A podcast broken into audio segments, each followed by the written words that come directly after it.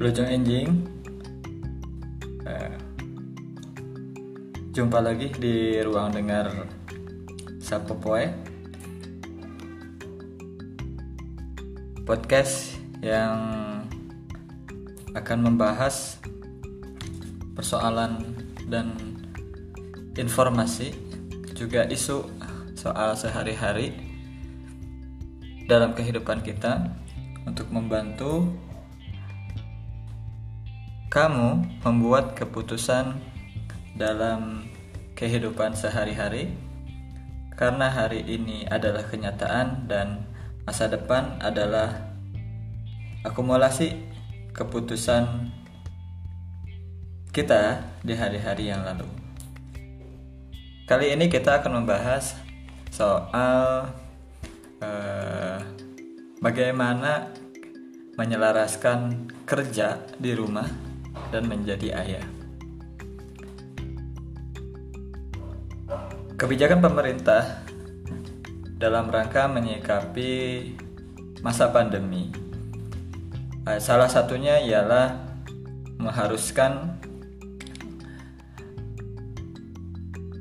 bagi perusahaan-perusahaan untuk uh, memberikan kebijakan pada pegawainya atau karyawannya untuk bekerja di rumah atau work from home atau WFH. Namun bagi sebagian karyawan atau pegawai ketika bekerja di rumah nyatanya menemukan kondisi yang mungkin pada awalnya dibayangkan menyenangkan karena Difikirnya, ketika bekerja di rumah, artinya mereka bisa bertemu dengan anaknya dan bisa berjumpa dengan istrinya itu sepanjang hari. Namun pada kenyataannya tidak begitu. Nyatanya eh, bekerja di rumah tidak seringan yang difikirkan, tidak semudah yang dibayangkan. Bahkan kehadiran anak atau kehadiran anak utamanya itu menjadi kadang-kadang itu dalam tanda petik menjadi pengganggu di tengah uh, fokus kerja kita. Nah, untuk itu kita akan bahas bagaimana menyelaraskan kerja di rumah dan menjadi ayah. Jadi untuk kali ini kita uh, fokuskan bahasannya untuk ayah, untuk ayah, untuk ayah yang diharuskan kerja di rumah. Jadi ketika kita langsung saja mulai, ketika sedang fokus kerja, lagi enak karena baru saja menemukan alur kerja, eh tiba-tiba anak datang. Ia hendak menunjukkan hasil menggambarnya. Ia berkata, Ayah, Lihat gambarku, bagus gak? Apa responmu kala itu? A. Mengapresiasinya dengan lembut, menatap gambarnya lekat-lekat, lantas penuh hati menjawab dan mengapresiasi. Atau B. Merasa terganggu dan emosi, namun meremnya, lantas memberikan respon sekadarnya. Atau C. Merasa terganggu, kemudian membiarkan emosi keluar. Saya pribadi sih cenderung mau gak marah, ya keganggu, mau memuji namun ya kesal juga. Karena tiba-tiba alur kerja yang sedang ternikmati itu buyar seketika. Namun di sisi lain, saya juga tahu sekedar memberikan pujian seperlunya adalah yang terbaik. Lagi pula sebentar kok kesadaranku melintas saat itu. Saya tahu kata-kata yang keluar dari mulut saya akan berikan pengaruh dan dampak, bahkan mungkin menorehkan bekas di hati anak saya. Sejenak, hitungan detik, katanya bisa berpengaruh banyak pada masa depan anak. Namun, pekerjaan pun bagian dalam rangka memenuhi kebutuhan pertumbuhan, pertumbuhan anak juga toh. Kesadaran lainnya melintas. Kerja di rumah atau work from home atau WFH ya kini merebak karena tertuntut kebijakan dan kondisi yang belum kunjung terkendali. Bagi para freelancer atau yang terbiasa bekerja di luar jam kerja atau tak teratur jam kerja atau tak tertuntut untuk bekerja di kantor tentu bukan perkara yang sulit karena memang hari-hari ritme kerjanya seperti itu. Namun, bagi yang biasa bekerja di kantor, bekerja di rumah artinya lingkungan kerja yang baru. Masalahnya, rumah itu mindsetnya adalah tempat istirahat, bukan tempat kerja. Begitupun pula dengan anak kita. Ia berpikir hadirnya kita di rumah artinya kita sedang libur. Yang itu berarti bisa meminjam ponsel untuk menonton YouTube, berarti bisa nonton bersama, atau bisa membacakan puluhan cerita favoritnya. Begitulah kenyataannya. Bagi saya, saya sendiri yang memang sudah satu tahun atau bah bahkan sehari untuk Sampai saat ini berarti hampir 2 tahun bekerja di rumah karena memang tertutup pekerjaan ya. Saya memang tidak diharuskan untuk datang ke kantor setiap hari karena pekerjaan cukup dilakukan via uh, media elektronik atau media digital. Dan untuk saat ini memang ditambah kebijakan PSBB pemerintahan di kota tempat saya bekerja. Memang secara praktis Umumnya peran ibu tetap dominan dalam tumbuh kembang anak pada usia emas. Namun, riset seputar parenting kian ke masa kini kian menunjukkan signifikannya pengaruh peran serta aktif dan positif ayah terhadap tumbuh kembang anak. Sebaliknya, kehadiran ayah juga bersifat negatif jika salah sikap atau berperan negatif di kesempatan interaksi ayah dengan anak. Secara umum, Pengaruh peran serta ayah lebih pada kualitas ketimbang kuantitas. Begitulah yang diungkapkan oleh Mercy Carlson, sosiolog di Universitas Wisconsin. Ayah sering bersama anak, namun bersikap buruk atau menyakiti justru malah memberikan dampak negatif. Kata Carlson, the quantity of interaction doesn't really benefit code. But if you have more high quality engaged parenting that does seem to be positively related to outcome for children. Buku Role of Father in Child Development menyampaikan poin peran ayah dalam perkembangan anak ialah pada fakta jika keterampilan anak pada aspek emosional, sosial, juga berbagai kebiasaan harian sangat terpengaruh oleh sosok ayah. Selanjutnya, buku tersebut mengutip penelitian tahun 1991 yang menunjukkan keterlibatan ayah pada usia anak satu bulan akan berpengaruh pada peningkatan level kognitif pada saat anak usia satu tahun. Bagi bayi yang lahir prematur, kehadiran ayah dengan bermain dan berperan serta dalam pengasuhannya akan meningkatkan level kognitifnya. Penelitian lainnya menunjukkan bayi usia 9 bulan yang bermain bersama ayahnya akan meningkat pula kognitifnya. Pada penelitian lain, menunjukkan jika peran ayah akan meningkatkan kemampuan fisik anak misalnya dalam hal berenang. Di sini karena ayah cenderung lebih tega dalam tanda petik terhadap anak ketimbang bunda yang cenderung overprotective pada anaknya ketika anak harus masuk ke dalam air. Penelitian lainnya menunjukkan jika peran serta ayah dalam pengasuhan anak akan mempengaruhi kemampuan sosial anak. Nah, karena itu penting kita memperhatikan setiap kesempatan yang mempertemukan ayah dengan anaknya, khususnya pada momen di mana ayah harus bekerja di rumah. Kita akan coba membahas dua kondisi berbeda. Pertama, kondisi istri full-timer bunda atau istri yang menjadi bunda yang memang maksudnya tidak ber, tidak turut bekerja atau tidak turut menjadi aktif sebagai di pada profesi tertentu. Jadi dia fokus di rumah. Atau yang kedua kondisi istri yang merangkap menjadi profesional atau bekerja di luar rumah. Kondisi berikutnya ialah kondisi anak saat meminta perhatian. Ada kondisi di mana anak tantrum atau bersikap buruk atau bertindak buruk kondisi anak sampai membahayakan dirinya dan anak yang sebenarnya baik-baik saja Sebelum jauh membahas bagaimana konsep dan tip praktisnya agar lebih baik, mari kita ketuk pintu beberapa teman saya dan sedikit berbincang soal bagaimana sih kondisi mereka dan bagaimana mereka bersikap pada anak kalau bekerja di rumah. Yang pertama, ada teman saya bernama Iqbal Fauzan, usia 29 tahun, pegawai salah satu perusahaan di Jakarta. Istrinya seorang bergelar dokter yang memilih karir sebagai businesswoman. Namun, karena kondisi tidak memungkinkan saat ini, istrinya menjadi full-timer mother. Kedua, teman saya bernama Caca Andika, usia 30 tahun, pimpinan salah satu NGO berbasis di Kalimantan, dan istri seorang full-timer mother. Ketiga, teman saya Lutfi Husin, usia 30 tahun, dosen di salah satu universitas negeri ternama di Jawa Barat.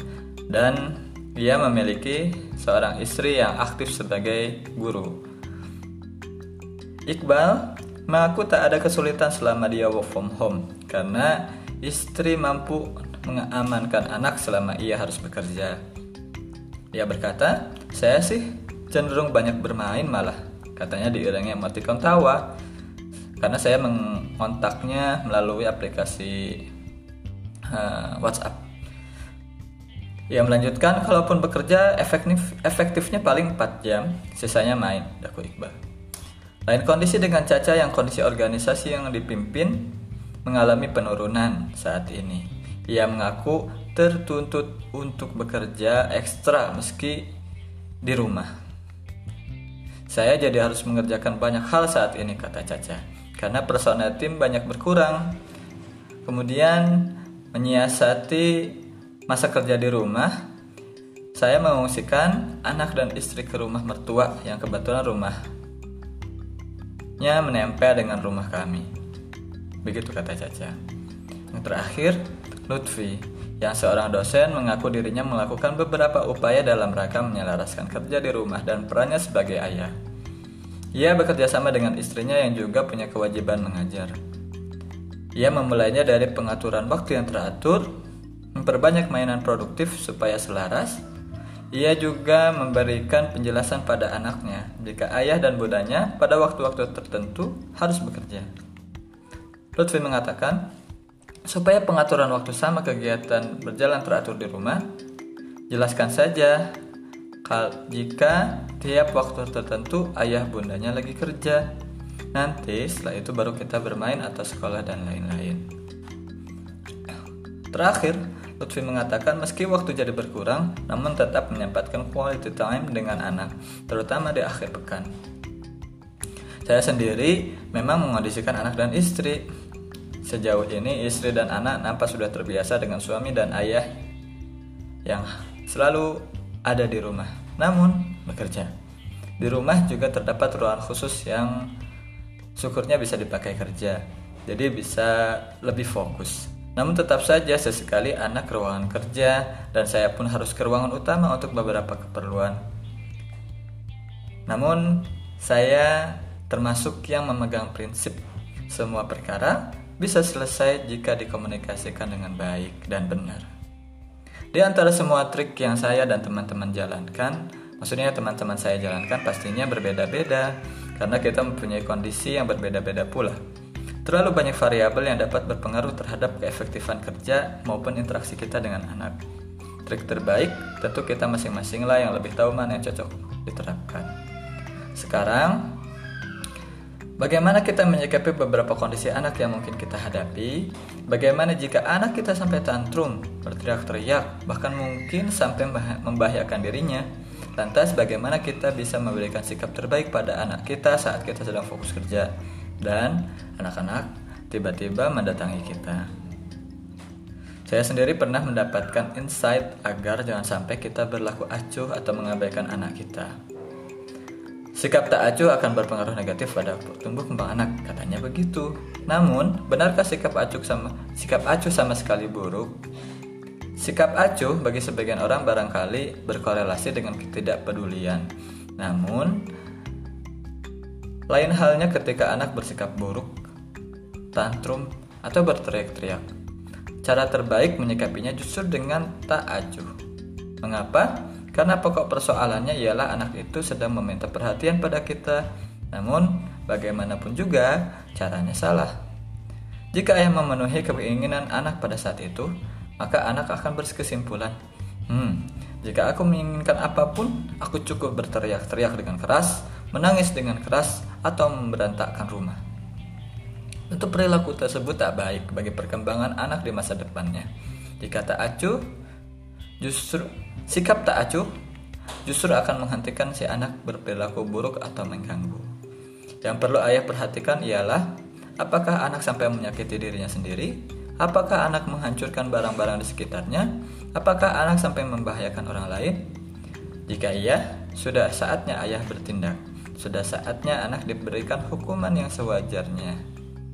Kemudian, kondisi kedua ialah kondisi saat anak tidak pada keduanya atau normal. Kondisi bekerja di rumah memang rentan dengan gangguan anak, dalam tanda petik. Namun, jangan sampai momen sesaat merusak masa depan anak.